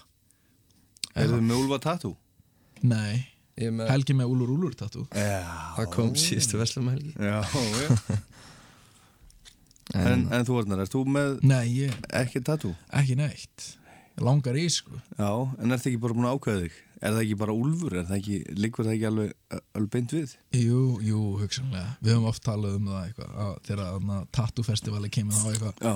gefur hverju öðrum high five Ég er og búinn að núna, núna fáum við okkur tattoo en Ég síðan, er búin að vera að býða mitt líka alla tíðin, svo, svo var ég í New Orleans um daginn og fyrir mér hérna eitt risastórt Nei, Nice. halló stjörnu fyrir Elvis okay. Já, já. Mjög gott, mjög Já. gott Ég held vera- ég að ég þurfi bara að fara að byrja sko. Ég, er ekki, ég er ekki að það með neitt Kannski bara eins og annað, að byrja bara rólega og svo, svo sé, maður, sé maður til. Já, Herðu, strákar uh, Skulum fá hérna tvær plánutur Læðið tvær plánundur að plötunni tvær plánundur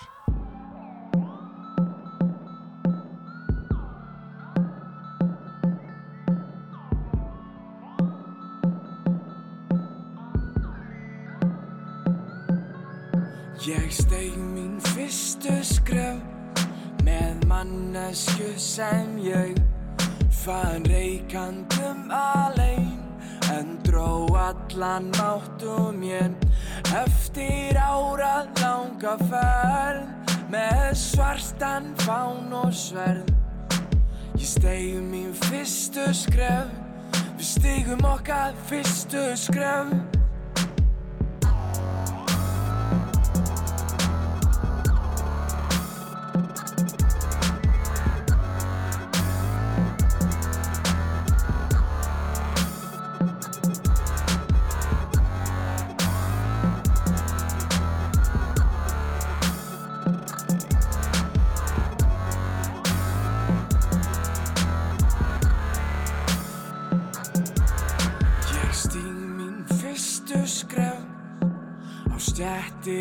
hjá þér.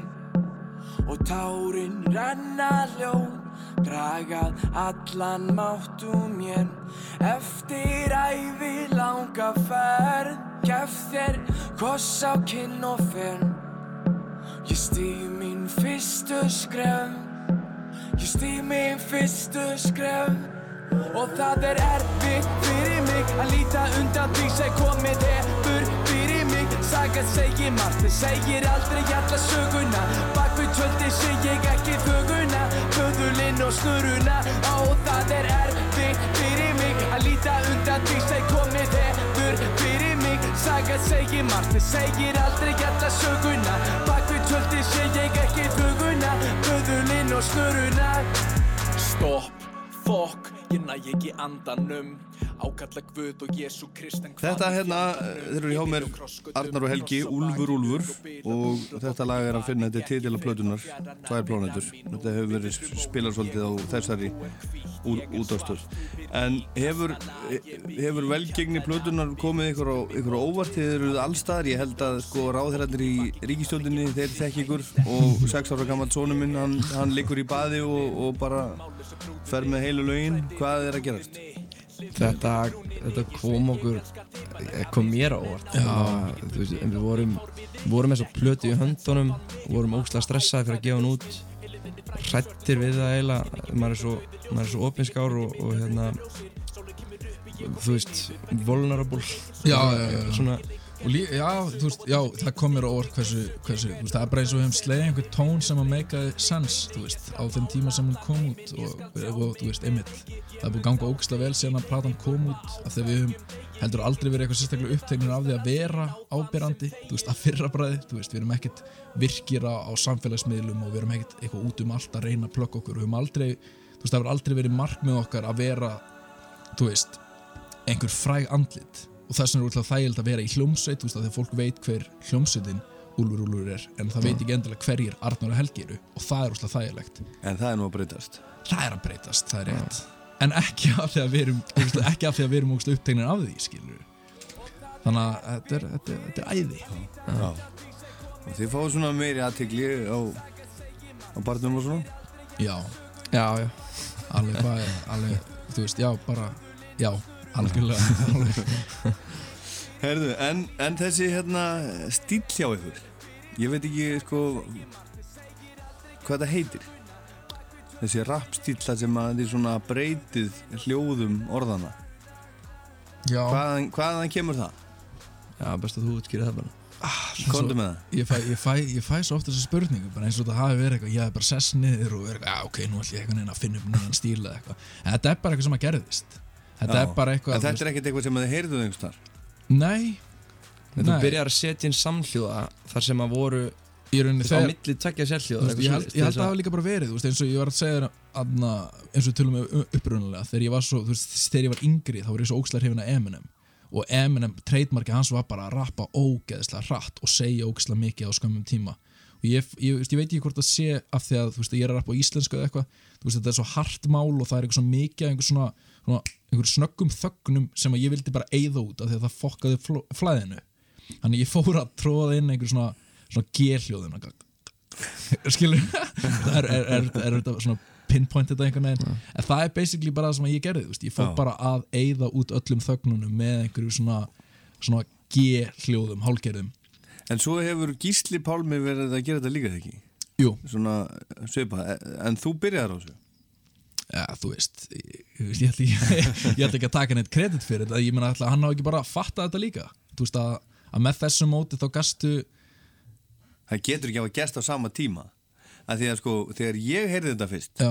þá virkaði þetta á mig eins og, eins og hérna krakki með talgalla sko. Já, já, já. Ha, Það verður að laga þetta. Það verður eitthvað að laga þetta, hvað, hvað er að gera þetta að því, að því að þetta er svona það sem að það sem að eh, þetta virkar svona eins og eh, svona sumir krakkar get ekki sagt ákveðin, ákveðina stafi og orð sko Já. þá er, þá þeir leitið til, til, til talkennara og, og þetta er þessi kipt í liðin Já. svo eru þið hérna rappstjörnunar bara flaggið þessu Nei, ég, ég held ekki að það sé bara því að þú veist, mér, mér finnst þetta bara honestly bara hljóma ógisla vel alveg þótt að fólk tala um þetta sem ekki talgalla og það er kannski bara því að mér finnst þú veist, mér finnst gaman að, að, að flæði sé áhugavert þú veist, á, þú veist ég, ég, það er mikil áhersla á orðin og það sem ég er að segja en það skiptir ekki öllu máli, fyrst og fremst langar mér bara að hljóma vel og svona finnst mér ég hljóma vel.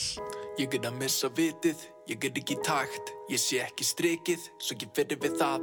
Ég kannleika augna blikið, en horf ekki fram. Ég safna ekki riki Ég get að ferð og flugi motherfucker. Og ef ég stoppa munni, loksins geta sopnað. En ef ég sopna munni, góðar byrja að rotna. Og ef ég rotna munni, úrkynjast að klopna.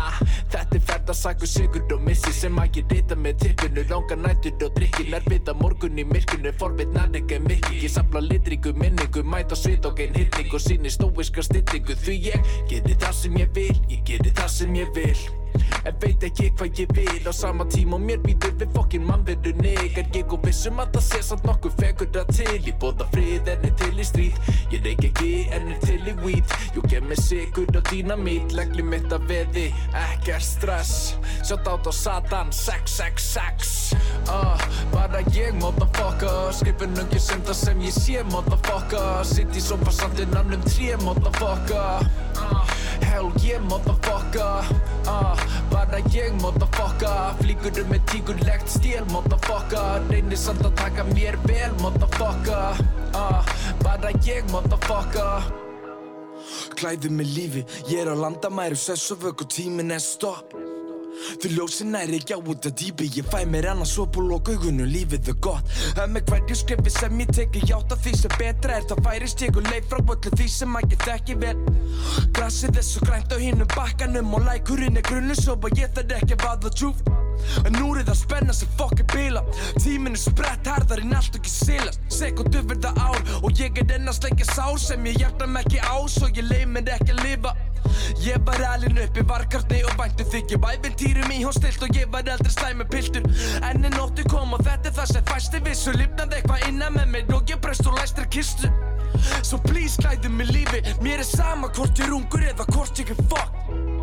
Því ekkert lifir á þessu dýpi. Ég fæ mér annars upp og loka augunum því það er gott uh, Bara ég motherfucker. Skrifin ungi sem það sem ég sé motherfucker. Sitt í sofa samt innan um tré motherfucker. Uh, Hell yeah motherfucker. Uh, Bara ég motherfucker. Flýgur um með tígurlegt stél motherfucker. Reynir samt að taka mér vel motherfucker. Uh, Bara ég motherfucker Get ekki sofið. En strákar, e, sko, nú eru nú eru allar plötur hættar að seljast. Þó að sé verið að hlusta mikið á þær. Er þetta að seljast eitthvað? Já, príðilega sko. Já. Prentuðum þúsund eintök sem fóru á hvað einum og hálfu mánuði? Þannig að, þú veist, núna er bara svona annað bats í, í gangi. Ég veit, ég, ég hef ekki, ég hef ekki fylgst með tölunum Og ekki komin jól. Og ekki komin jól Þannig Og ég enn er fólk að kaupa plötur. Þetta er nefnilega, nú er nefnilega komið að þeim punkti, mér finnst alveg hræðilegt að segja það sko, það getur bara vel verið að plötu fyrir tækið eins og við tækjum það Mm. það verður bara ekki til, það verður ekkert plötu fyrir tæki á Íslandi til eftir bara eitt, tvö ár Já.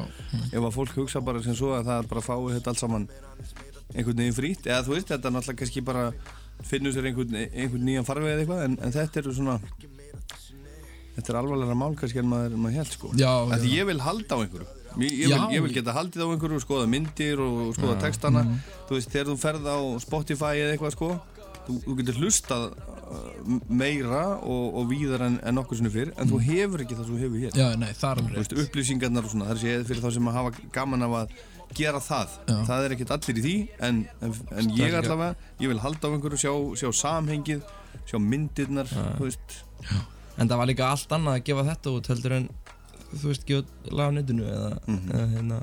Þú veist, ég á ekki föstuðan og langi plötuna en það Ég á alltaf eftir að eiga þessa.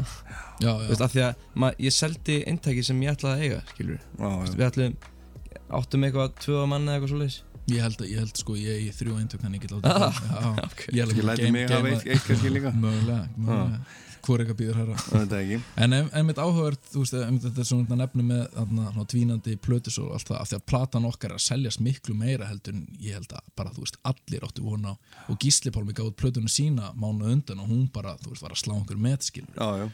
Þannig að það, þú veist, plötur eru ennþá seljast. En er, er, er tími hip- hip-hopsins, rapsins komin loksins? Já, Aftur? loksins. Eða fyrsta sinn? Uh, aftur. Af því að náttúrulega upp úr 2000, þá var alveg þvílík bylgja. Já, já, Rottweiler og það allt saman. Já, alveg risavexni bylgja sem að fjall mjög skyndilega. En, atna, en jú, núna, það er alveg, úst, alveg augljóslega er núna einhver önnur bylgja í gangi og ég fagna henni af því að þetta er svona tónlistarstefna sem hefur und, átt undir högg að sækja, þú veist, það var alveg lengi vel sem að, þú veist, það var ekki litið á og maður finnur alveg ennþá fyrir, svona næstu eins og rapparar væru minni listamenn Já. Heldur en já. Rapp er líka orðið sko hluti af popsenni Þú veist, þetta, er- það er alveg blanda saman Já. og er núna, þú veist, þú heyrir þú, þú heyrir poplag með rappi þú veist, alltaf í útverfinu Mhm. og þú veist, er það þá rapplag eða er það poplag eða þú veist, bara bæði af því að Já, já. þetta er bara tónlistastefnur eru þú veist, þær fara minkandi líka held ég Herðu, en það sem að eitt af því sem en, einkennur ykkur er, að- er að sko, já, bæði þið og MC Gauti vinnur ykkar, þeir eru með sama bandið og ekkert smá band, Agent Fresco. Já. þeir eru að spila með ykkur. Það hefur kannski eitthvað, eitthvað að segja. Já, Frá, frábært band. Já. Frábæri sko. Það er, jú, ég hef- finn það alveg, það er mikið að segja. Fólki finnst mjög merkilegt að, að þetta sé rappljónsitt með atna, svona lifandi undirspili. En þú veist, það er ekki alltaf þannig, alls ekki. Nei, það er svona við en það er best ég, þú veist, við ákveðin tilumni, það er það best. Þú veist, bæði, bæði bara, þú veist, lögin hljómaður í sig, þú veist, það er líka gaman að fólk sé að hlusta lög heima á sér og geta fluttu einhvern veginn í nýri mynd, það er bara gaman. Pluss að þeir spila þess inn á blötuna líka sko, þannig að það er staðin síðan hann Akkurat. Herru strókar, ég óskeikur til hamingju með þessa skemmtilegu blödu Takk, takk, og, og, og bara með allt saman, tvær plánetur, úlfur úlfur. Skulum enda á að heyra hérna Brennum allt. Það er nú góður vinnur ykkar Já, Cutgrove P Já algjört upp á Er hann, er hann legend? Hann er, já, á, á sinn hátt er hann legend, sko. Hann hefur, hann hefur verið að þessu lengi og, það- en það er ekki margir sem að vita á honum. Þú veist, ég hefur verið mikill aðdáðandi bara, þú veist, síðastliðin tvö ár og það hefur lengi verið markmið hjá mér að fá hann aðna, með í lag. En það var, þú veist, Þú veist að byrja að tala um hann þegar vorum 16 ára og þú kynnti mig fyrir honum sko. Já, já. En sem var það í rauninni, þú veist, að því að það, það einhvern kom aldrei til greina að fá hann í laga því hann var aldrei að gera neitt. En sem var það þegar hann, uh, var ekki hann að Hey Abaró, sem, að, sem, sem fór í svo miklu já. hjá ykkur, og það er allt, ég held að hafi, þú veist, ég var eitthvað að spyrja út í undum daginn, ég held að það bara þá svolítið sem hann var alveg, jó, þú veist, fólk nennir að hlusta á mig. Ekki að eitthvað Hann er frá, frábær rappari. Já, hann er Alveg, alveg alveg æðislegur rappar, æðislegur atna, textasmiður og, og góð manneski klapp fyrir honum. Já, Takk fyrir komin eftir okkar, kærlega. Takk fyrir, Takk fyrir okkur Þúsundi sála með ólíka draumar að gengin er eins Sammegin þó að hverju við trestir og smegin og reik Þarf ekki neitt með dreymir um meir Töktir er reit Eitthvað sem veitir frið og ró og glemurstu leið. Hvað er það fokkin frétta bra, bra En fann á keimsendi, veit ekki. Sendi til annarkort SMS eða reikmerki. Náttúru skáld sem að ekki eru steipu Hangi með ómögum bitum og bleiðum Skerið þið svo gott sem fullkominn heimi Svo lengi sem ég haka mér þið svo heigull ah, Seiðandi krydd, píur og bílar Kaupið með minningar á tíkar Lífið þið titlingur og píkar Snælandi snild í augum ríkar Guð blessi biblíur og íhald Hef ekki tíma til að flýja Ég er að keep it real og chilla ah, Þetta er bad shit, hann getur erfitt Leggur að eldi, geymir mig inn á kleppi Kongar og kókaín, tilbyggðu ljótan krokodíl Fólk er tínt en ekki fíl Óreiðag og romantík, tík Náttúru undir og tunglindis lif Litríkustu,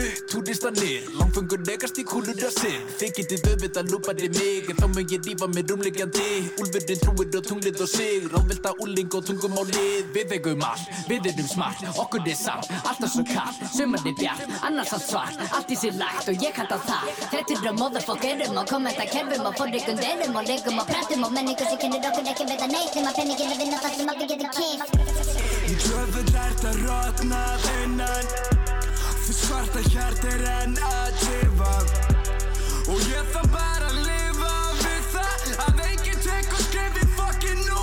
Tífinn að brennum allt, svo brennum allt. Svo brennum allt, svo brennum allt. Svo brennum allt, brennum allt. Svo brennum allt, brennum allt. Þessi vél bra, drepu fa-fa fasana Bon, knúsa, klikk, klakk, aha, maska mann Trippi shit, shit í tripp, tæmi vasana Illuminational, stálmann kann få lasana Hönnu bit í lögguna, tvær stjörnur ló með gasana.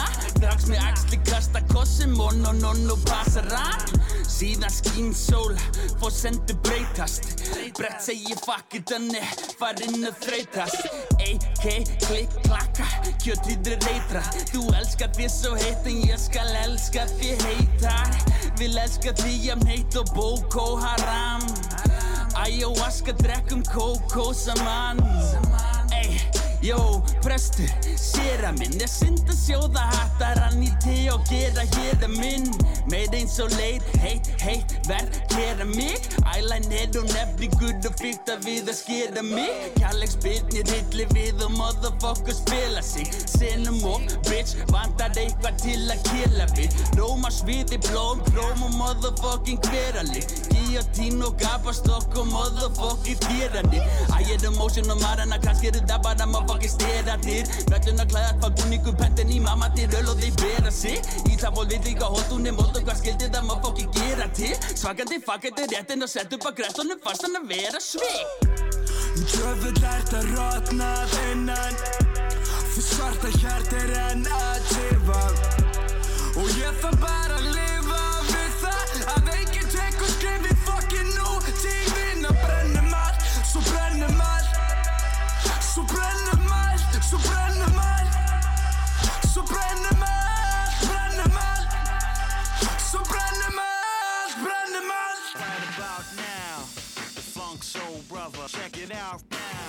This is Rockland in Iceland on Icelandic Radio 2 with Fatboy Slim.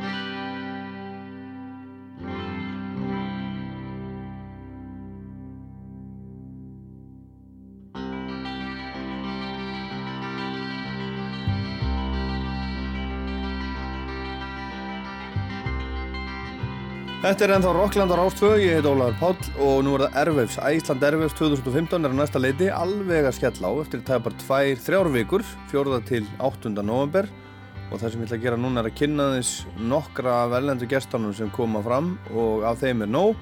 En flestir eru kannski lítið þekktir en jafn þekktir á heimsvísu og okkar best kynntu listamenn til dæmis.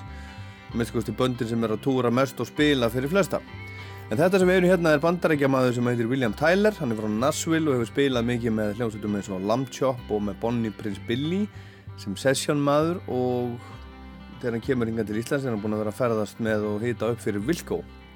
Pappi Williams er tónlistamæður líka, lærði reynda lögfræði en hugnaðist ekki fæið og fylgdi kollum sinni sem var að semja lög og var komið út lög eftir hann með fólki eins og Eddie Rabbit, Nitty Gritty Dirt Band, Leanne Rimes og Kenny Rogers. En fyrsta Williams heitir Behold the Spirit, kom út 2010, svo kom nr. 2, Impossible Truth, 2013. Við skulum heyra hann aðeins segja frá sjálfum.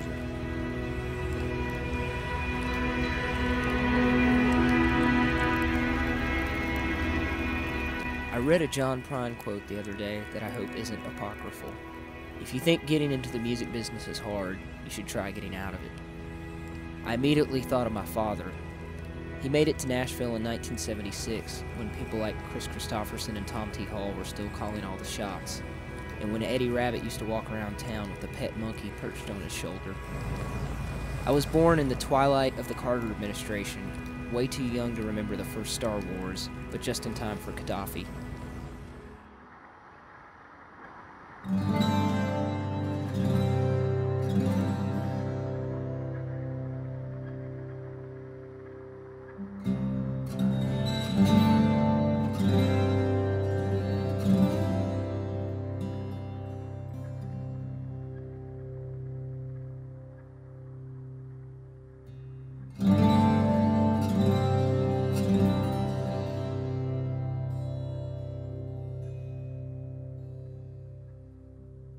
Stopped writing words when I was about 23.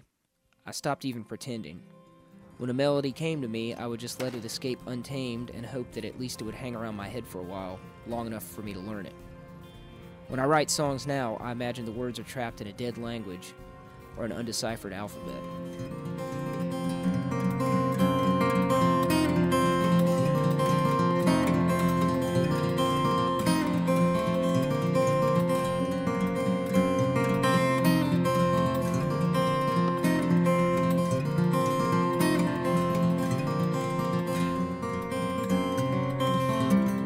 William Tyler er gítarmaður, hann syngur helst ekki, spilar bara á gítarinn sinn og lætur hann um að tala fyrir sig. Lög eins og þetta hérna sem er að finna á nýri plötunans, Impossible Truth það heitir We Can't Go Home Again og William Tyler spilar í fríkirkjunni á Ervefs föstudagskvöldið klukkan 21 á eftir Ilju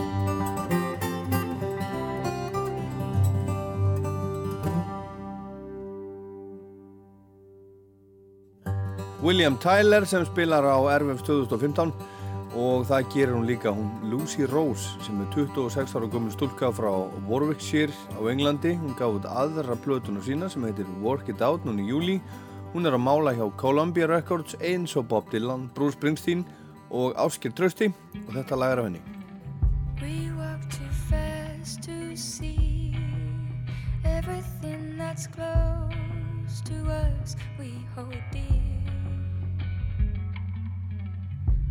Kiss you goodbye when you are safe from harm, and I know you are here. Why'd you have to go so soon? Cause it's not fair to underestimate my love for you. If I'm gonna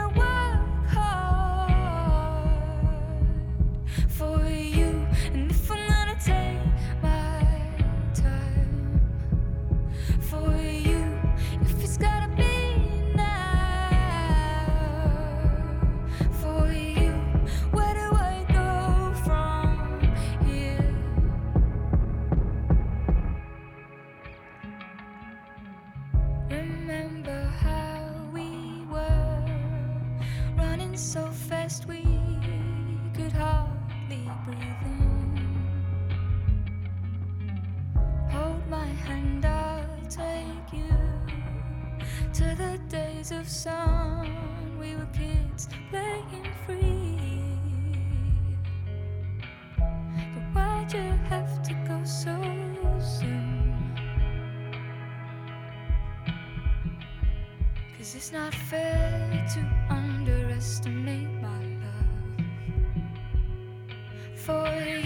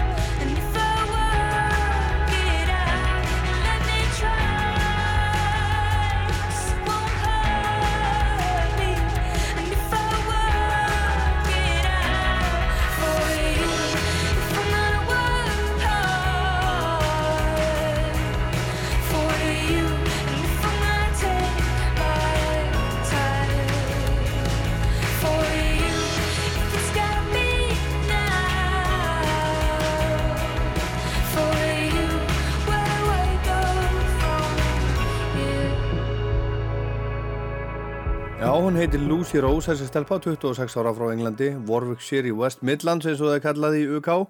Hún flutti til London 18 ára gömul í þegar tilgangi að læra landafræði í háskóla í London en öll plön breyttust þegar þánga var komið. Hún kynntist Jack Stedman, söngvara hljómsveitarinnar Bombay Bicycle Club og hún fór að syngja bakrættir með hljómsveitinni og var um tíma 50 meðlimur sveitarinnar og leini vopn.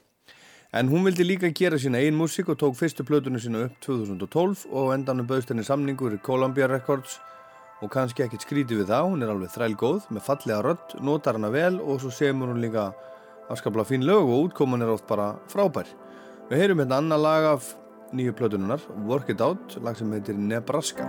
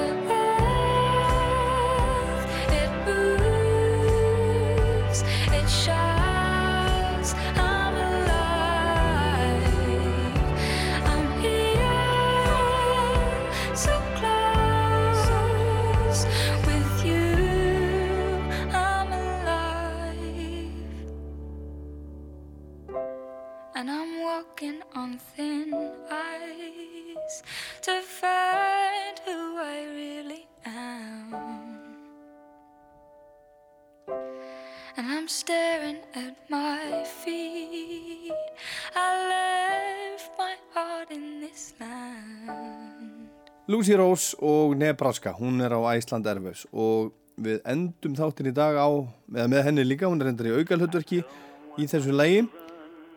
Vinnarinnar kallarnir í Manic Street Preachers fengana til að syngja með sér í lægi sem að heitir Sullen Wells Heart á blöðunni Rewind the Film sem kom úr 2013 og við skulum heyra það hérna í lokinu. Þetta var Rockland, ég heit Ólafur Páll, takk fyrir að hlusta.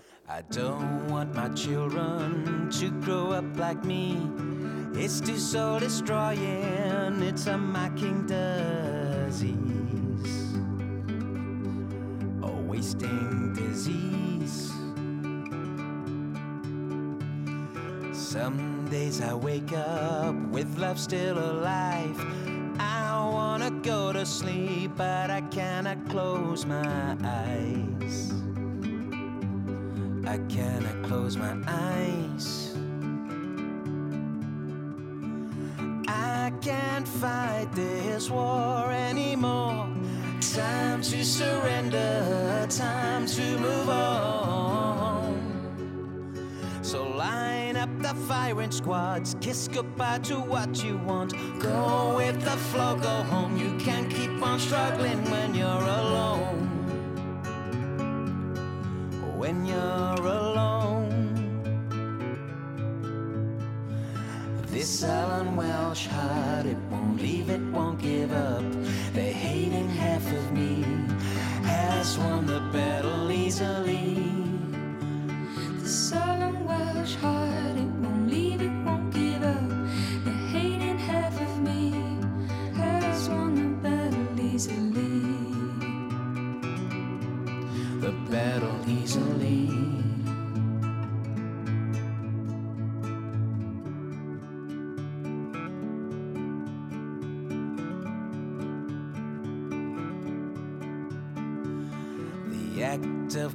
Of creation saves us from despair. A phrase that keeps repeating in my head.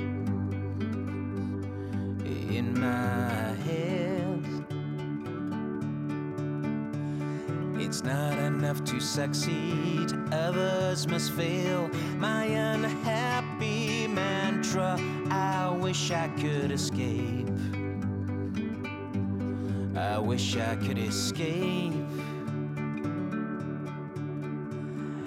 I can't fight this war anymore. Time to surrender, time to move on.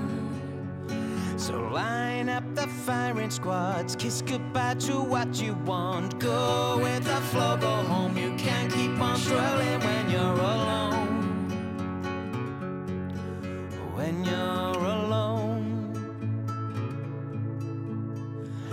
This sullen Welsh heart, it won't leave, it won't give up. The hating half of me has won the battle easily. The sullen Welsh heart, it won't leave, it won't give up. The hating half of me has won the battle easily. This sullen Welsh heart, it won't leave, it won't give up. The hating half of me has won the battle easily. This sullen Welsh heart, it won't leave, it won't give up. The hating half of me has won the battle easily. The battle easily.